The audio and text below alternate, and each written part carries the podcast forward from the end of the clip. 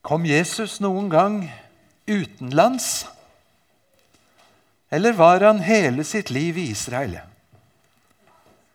Israel var en del av Romerriket, og Romerriket på Jesu tid de utvidet grensene i mange retninger. Så akkurat på Jesus tid sto kampen om London. Sør-England ble Britannia, en provins for romerne. Paris hadde vært en del av Romerriket i 100 år. Kom Jesus utenlands noen gang? Den teksten vi skal til i dag, er en av de få tekstene som viser at Jesus var så langt utenfor landet sitt. Omtrent som til Strømstad, ville vi sagt i Oslo. Samaria, om det var en del eller ikke, er også et spørsmål. Jesus var ikke ofte i Samaria, men det hendte.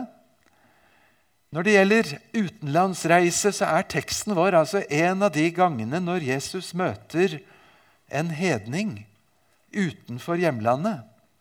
Hvordan gikk det til? Vi leser ifra Matteus 15, versene 21 28. Så dro Jesus derfra og tok veien til områdene omkring Tyrus og Sidon. En kanoneisk kvinne fra disse traktene kom og ropte, Herre, du Davids sønn, ha barmhjertighet med meg. Datteren min blir hardt plaget av en ond ånd. Men han svarte henne ikke ett ord. Disiplene kom da og ba ham, Bli ferdig med henne, hun roper etter oss. Men han svarte, Jeg er ikke sendt til andre enn de bortkomne sauene i Israels hus.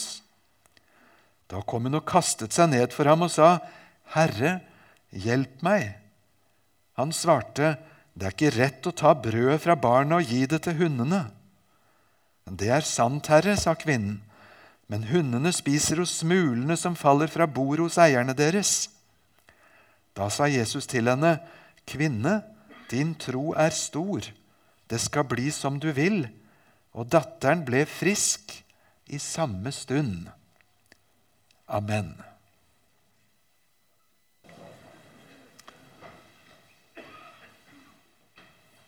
Jesus kom til sine egne. Han ble født i Betlehem, vokste opp i Nasaret, var ofte i Jerusalem. Han henvendte seg til landsmenn. Han siteres på å ha talt hebraisk eller arameisk. Og Reiserutene får vi ganske så grundig. Nå er det ikke så enkelt i ettertid å sette en skarp strek og si hvor grensen for det vi vil kalle Israel, var. Men Jesus beveger seg altså noen få ganger så vidt over grensen. Denne gangen litt i nord, til det vi kaller Libanon. Og Der møter han denne kvinnen. Og Kvinnen møter Jesus med en veldig tydelig bekjennelse. Herre, Davids sønn. David er rimelig nasjonalt. Hun erkjenner jeg henvender meg til en som er en herre til en som er en sønn av David, hører til i det riket. Men ingen lang, høflig, sjarmerende bønn. Rett på sak. Hun øser hjertet ut for det hun har på hjertet. Og Grunnen til at vi har denne teksten midt i fastetiden, er nok nettopp det poenget. Bønnen, og hvordan den kan arte seg. Og det er mange, mange spennende tekster om bønn i Bibelen. Ofte så står det bare så enkelt og greit 'be', skal du få. Men leter du nøye, så er det en masse fine uttrykk som er brukt om bønnens kroppsspråk og bønnens ytringer og hvordan den tar seg ut. For eksempel så skriver ofte salmistene om å få lov til å øse sitt hjerte ut for Herren. Noen hører bare litt poesi i det. Jeg syns det er mye mer enn poesi. Har du prøvd å øse en stor tank? Skulle øse ut 150 liter parafin en gang av en kanne med en liten åpning. Det tar litt tid. Har du hjertet fullt av kamper, så kan det ta tid å få øse det ut for Herren. Men for en velsignet tid For en stor sak å få plukke bit for bit, løfte det fram for Gud, og så få legge det fra seg innenfor ham.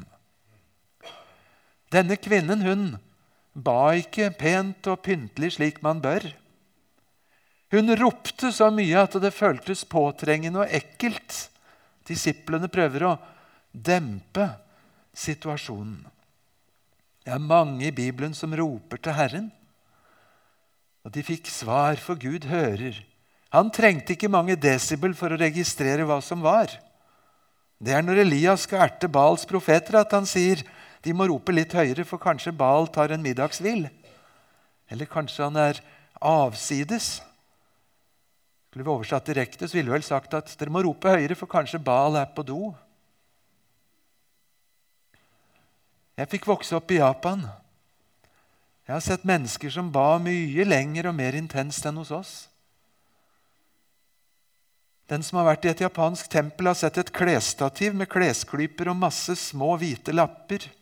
Sånn ser bønnelivet ut i et japansk tempel. Synlig så alle kan se, i hvert fall en ukes tid, så alle åndene kan se hva du ber om for helse eller jobb, økonomi eller kjærlighet.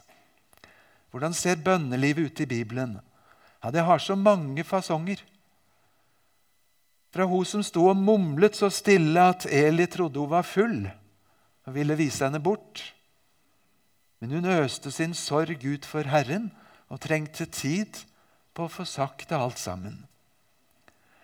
Og så er Det altså ikke sånn at det er kilopris hos Gud med litt større sjanse for å bli bønnhørt hvis du bruker mange ord og overtaler og kanskje begynner med litt smisk og si mange vakre ord til lovsang for liksom å kvalifisere deg til å komme med det som er ditt bønnebegjær. Bare si det akkurat som det er. Hulter til bulter. Eller bruk den bønnen som Jesus lærte oss å be. Og så står det ikke bare om bønnen som det enkle ordet å få lagt det over. Hos Paulus så ser du flere ganger han bruker uttrykket som å våke i bønn. Om å holde ut i bønn.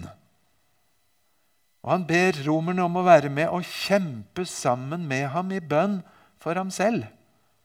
Bønnekamp. En utholdende våke. Og Jesus kombinerer det et sted eller to med å be og faste. Ikke at faste gir liksom litt mer turbo, som en brekkstang som får mer kraft i bønnens ord, som om det sto til oss og vår prestasjon. Noen av oss har hørt så mange ganger at bønnen er å få si det som det er, og så er det gjort. Og så har vi trang til å be en gang til. Og så er det noen som sier at det trengs da ikke, for Gud har hørt det. Og det er sant. Men kanskje jeg trenger å få si det en gang til. Og det er ikke tellerskritt hos Gud som at du har brukt opp datatiden din. Du plager ikke Gud som om du skulle på en eller annen måte ødelegge Guds dag med å be om igjen. Si det en gang til og enda en gang. Gud er tålmodig og hører det du har på hjertet. Men så skal du også få høre at han har hørt det fra første stund.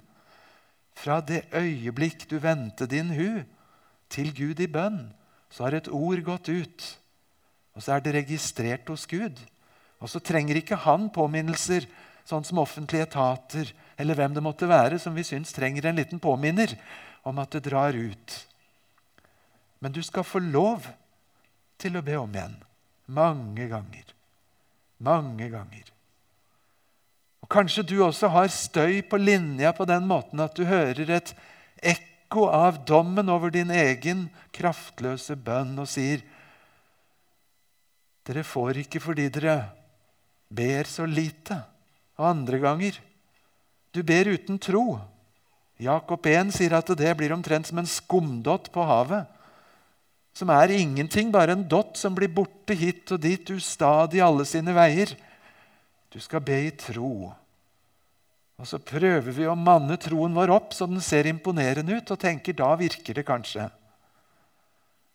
Og så har Bibelen tatt med en annen bønn i Markus 9 om en far som ba for sønnen sin.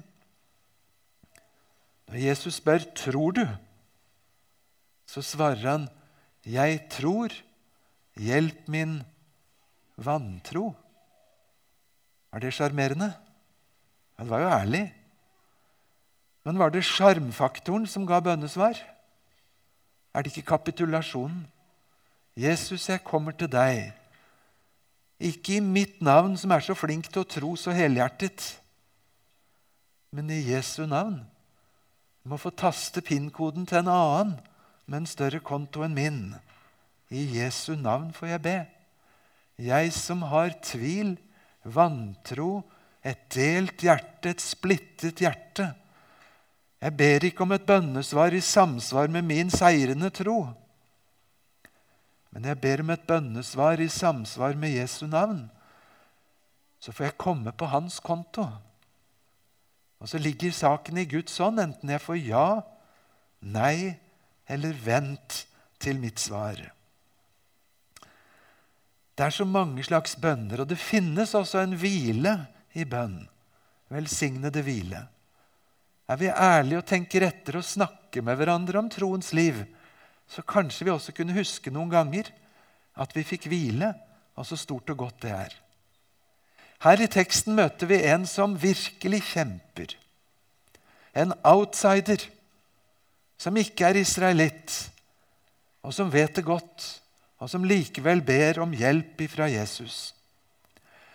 Jeg vet ikke om det er noen i hele Bibelen som vi får liksom så tydelig tre-fire ganger avvisning og på så prinsipielt grunnlag. Tenk at hun fikk et nærmøte med Jesus og roper ut sin nød. Og så hindring nummer én han svarte henne ikke ett ord. Har du opplevd det? Jeg våger ikke å si at du har opplevd det, men du har opplevd det som at det opplevdes slik. Her står det rett ut han svarte henne ikke ett ord. Hindring nummer to. Jesu disipler, som ofte var altfor flinke til å få folk vekk fra Jesus istedenfor å lage audiens. De ber Jesus vis henne bort, for hun roper og maser. Jesus svarte ikke et ord. Jesu nærmeste disipler vil ha henne vekk. Og hindring nummer tre hvis hun hørte at Jesus sa til sine disipler en avvisning som er såpass rett ut som dette Jeg er ikke sendt til andre enn de bortkomne får av Israels hus. Hvorfor er jeg her? Jo, jeg er sendt for å gjenreise Israel. Det var ikke noen liten oppgave. Og så ser det ut som om Jesus bruker det nesten som en forklaring på at han nå ikke, utenfor landets grenser, skal hjelpe denne kanoneiske kvinnen. Hun ber. Han svarer ikke ett ord. Disiplene vil ha henne vekk. Jesus forklarer det med at det er ikke dere jeg er sendt til. Hvordan går det i hop med misjonsbefalingen, som står i samme evangelium? Det er forresten ikke den eneste gangen at Jesus antyder det. I Matteus 10 så sender han disiplene ut på oppdrag og sier uttrykkelig Gå ikke til hedningene. Ta ikke veien til samaritanerne, men hold dere strengt til Israels hus. Sånn står det i Matteus 10, og her sier Jesus han ikke er sendt til andre enn. Og rett etter sin oppstandelse så sier han, gå ut og gjør alle folkeslag til disipler. Motsier han seg selv? Kanskje det har noe med den gamle og den nye pakt å gjøre. Og Du og jeg vi er klar med stoppeklokka og tenker at nå begynte den nye pakt når vi blar fra Malaki til Matteus. Eller det øyeblikket Jesus ble født. Eller det øyeblikket han ble døpt. Og Så står vi med stoppeklokkene og liksom setter et skarpt skille mellom gammel og ny pakt. Noen ganger ser det ut som det er en viss overlapp før den nye pakt er der. Og Skal du alltid starte stoppeklokka, så anbefaler jeg heller ved nattverdinnstiftelsen, for da sier Jesus dette er den nye pakt i mitt blod. Men vi har sett noen fine varsel om det som skal komme. Men enda så sier altså Jesus til, eller om denne kvinnen, at han er sendt bare til Israel. Og Den fjerde avvisningen det er når hun får den direkte audiensen. Og Da svarer Jesus et ganske bryskt svar.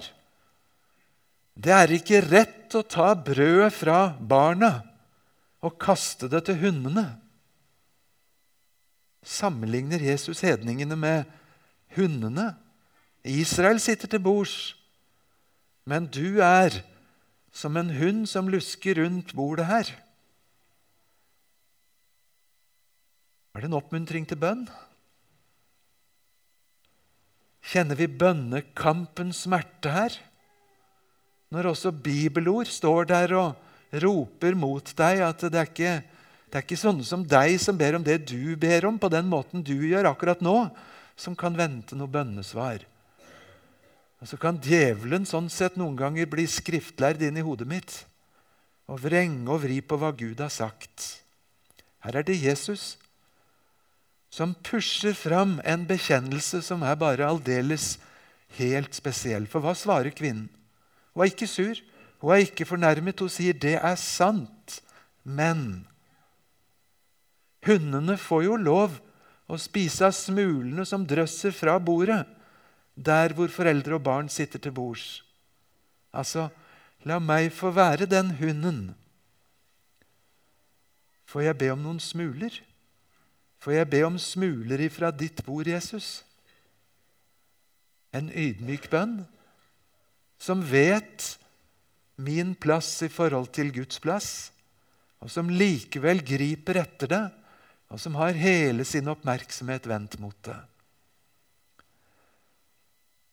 Og så sier Jesus, 'Så stor en tro'. Wow! En slik tro til disiplene sa han mange ganger at de hadde en liten tro, eller hvor er troen deres? Etter hva liten tro heter på gresk i Nytestamentet. Mikro. Mikrotro. Ja, det er det. Mikrotros hans. Og så møter han så stor tro at en smule fra ditt bord løser hele mitt problem. Hvis fem brød og to fisker kunne bli nok til 5000, så kan visst smuler bli nok for en hel verden av alle nasjoner og folk og tungemål. Så de får alt de eller vi trenger. For hvis du og jeg fins i denne teksten, så er de fleste av oss ikke født som jøder. Vi satt ikke til bords etter den gamle pakt. Vi er hundene. Vi er kvinnen. Vi hører til der hvor vi ikke etter naturens orden var en del av det. Apostelen Paulus sammenligner det med det store, fine oliventreet som Gud hadde plantet, som er Israel. Og Så kom Jesus til frelse til sine egne. Noen tok imot, men de fleste ikke. Og Så er det som om Gud, den store gartneren, måtte skjære av grein etter grein som avviste Jesus som Messias. Og så blir det et tre som er kraftig beskåret. Og så ligger det masse avskårne greiner borte der. Og så skriver Paulus mot naturens orden så har Gud podet inn noen kvister fra de ville oljetrærne borti buskaset. Mot naturens orden podet oss inn på det treet som er Israel. Og så utvides treet til å omfatte også oss helt mot naturens orden. Og så skal ikke vi briske oss imot de naturlige greinene. Vi har ingen grunn til selvros. Vi må ikke etablere oss ved bordet på en sånn måte at noen stenges ute. Aller minst dem som står jøde først, og så greker. Og For øvrig så skriver jo da Paulus i Romerne 11 at den kvisthaugen med tørre greiner som ble skåret av det naturlige oljetreet. De skal ikke for alltid ligge og tørke borti den kroken. Herren skal, etter at hedningenes fylde er kommet inn, vite å gjøre under. Så skal hele Israel bli frelst, så er ikke avvisningen siste ord også med tanke på dem som satt til bords først. Men det er som om Gud, Herren, utvider bordet. En annen gang han møtte en romersk offiser som ba for gutten sin, og som ba bare om at Jesus kunne si et eneste ord, så kommer det til å skje enda det er langt hjemmefra. For du har en slik makt i ditt ord som jeg kanskje får sammenligne med en offiser som kan si til noen 'gå', så går han. 'Gjør det', så gjør han det. Du, Jesus, har slik en makt i ditt ord. Wow, sa Jesus. En sånn tro har jeg visst knapt sett i Israel. Og så legger han til.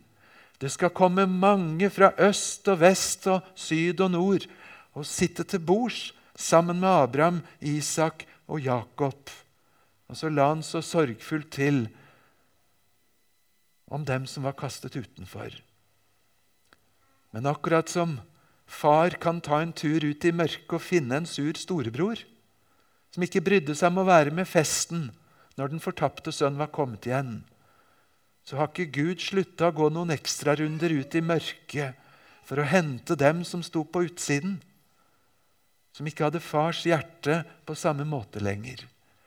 Og så står vi på vegne av Jesus selv og kan si det er ennå plass ved bordet hos Abraham, Isak og Jakob for en kanoneisk kvinne, en syrofønikisk kvinne, en romersk okkupasjonsoffiser fikk bønnesvar hos Jesus, hos en god israelitt.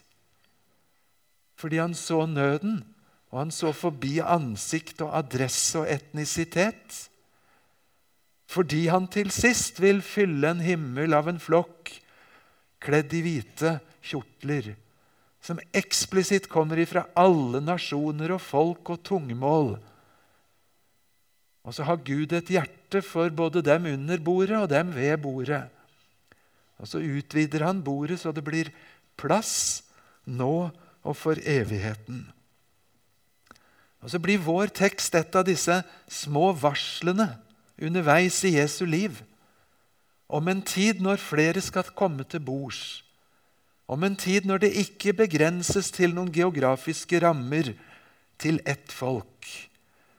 Og Det er en spennende skattejakt for deg som har tid til å lese i de fire evangeliene og lete etter noen sånne små varsel om det som skal komme. Når en annen kvinne rett opp i påskeuken salvet Jesus før hans død, og noen bebreidet henne, så tar Jesus henne i forsvar og sier overalt i verden hvor fortellingen om hans død oppstandelse skal komme, så skal denne kvinnens velgjerninger fortelles. Altså, det som skjer, skal fortelles videre for hele verden. Og Hvem er det som står ved siden av korset og sier 'sannelig, denne var Guds sønn'? Var det en ypperste prest? En fariser? En skriftlærd? Det var en romersk torturist, en kenturion, en hundremannsfører. En som hadde sikkert vært med å torturere Jesus, henge ham på korset, vakthold ved korset. Når Jesus dør, forhenget revner. Når mørket kommer, når tordenen ruller, så ser og bekjenner han som er hedning, sannelig, denne var Guds sønn. Og så har du noen sånne varsler av en ypperste prest Kaifa som blir ufrivillig profetisk. Jeg vet ikke om det er noe som heter det, men det er noe som heter ufrivillig komisk, og det er ikke noe greit. Men Bibelen forteller også om en som var ufrivillig profetisk. Han tenkte som en maktpolitiker at det må være mye bedre å ta livet av Jesus, sånn at én mann dør for å bevare roen i folket, heller enn at det blir et folkeopprør, og så blir heller folket ender i et blodbad. Det sa han ikke av seg selv, skriver Johannes. Men fordi han var ypperste prest det året, så talte han profetisk om at Jesus skulle dø for folket, ikke bare for sitt folk. Akkurat som i store lignelsen om Jesus som den gode gjeteren.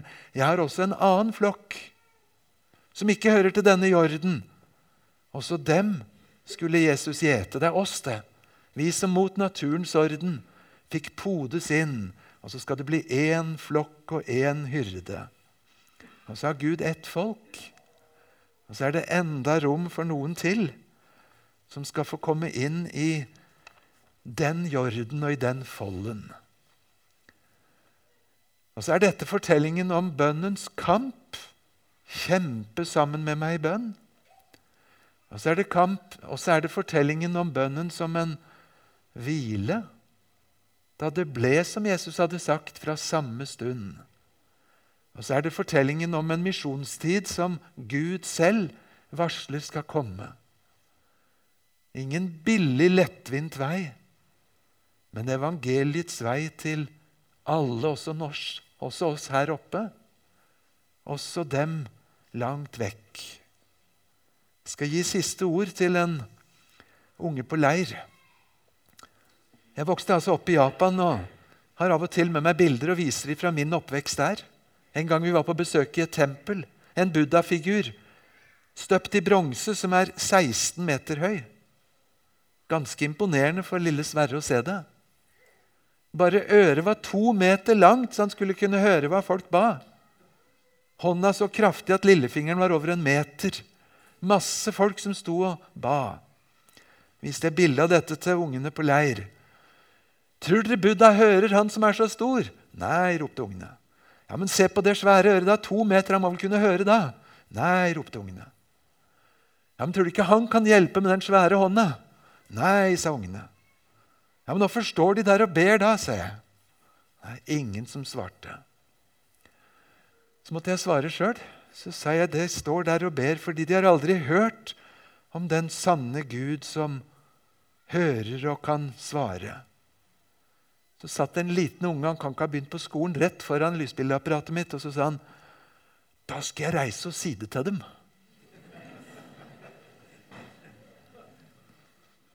Han tenkte vel han kunne ta bussen et par holdeplasser og si det, og så ta bussen hjem. Lang tid tok det før du begynte å tro det. Det var godt at Jesus' sendebud ikke tok bussen hjem et kvarter etterpå. Så må du og jeg være tålmodige til å si det. Og si det til dem som står ved en eller annen falsk gud, om det er rundt hjørnet eller på andre siden av kloden. Derfor venter han enda litt i tålmodighet, for han vil ikke at noen skal gå fortapt. Så er dette en virkelig misjonstekst til oss. Ifra en som hadde plass ved bordet sitt, også for denne kanoner, og også for deg. Så må du være tålmodig i bønn til Herren. Han har hørt det, svarer som han ser det, i sin time.